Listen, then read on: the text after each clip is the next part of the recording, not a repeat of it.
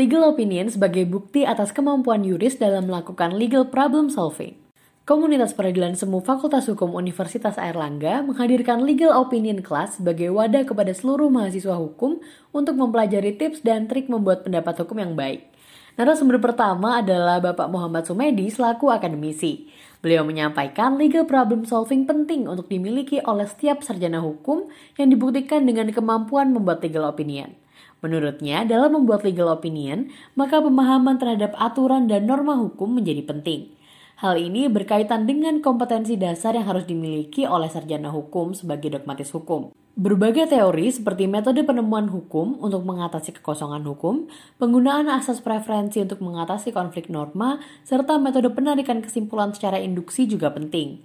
Kesempatan berikutnya diberikan kepada Krishna Murti selaku Kesempatan berikutnya diberikan kepada Krishna Murti selaku Junior Associate Sky Law Firm. Menurutnya, dalam membuat legal opinion, seorang advokat perlu untuk berhati-hati dan teliti. Dikarenakan, meskipun hanya sebagai sebuah pendapat, legal opinion tetap dapat menimbulkan akibat hukum.